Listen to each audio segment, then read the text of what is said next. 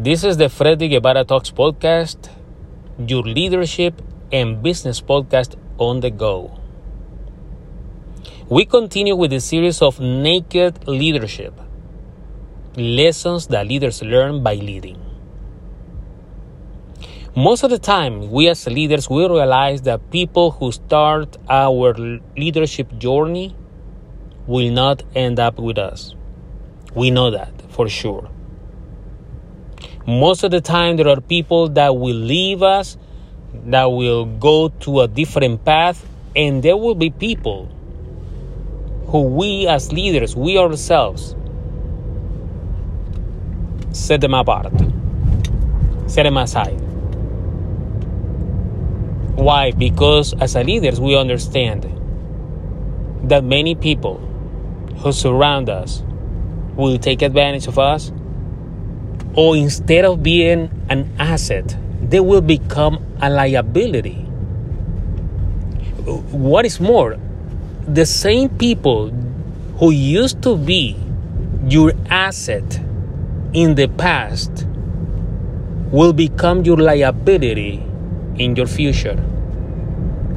And yes, it may be hurt you, it may be painful emotionally speaking, but at the end of the day, we need to deliver results.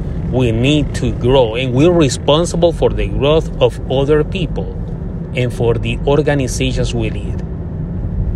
And that commitment with our leadership is that make us to make and to take tough decisions, to take tough actions.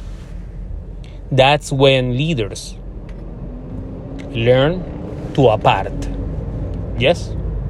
We apart others from our lives. We apart things that don't support or uh, don't support anymore our leadership. And it doesn't matter who contribute what in the past. That's the reality. It doesn't matter who contribute what in the past. But if they will become a liability for your future, it's better to make the decision now and you are responsible for a whole organization, not for a group, not for a single person. The lesson of today is that leaders learn to apart. I hope these lessons in the series Naked Leadership will help you to become a more effective and powerful leader.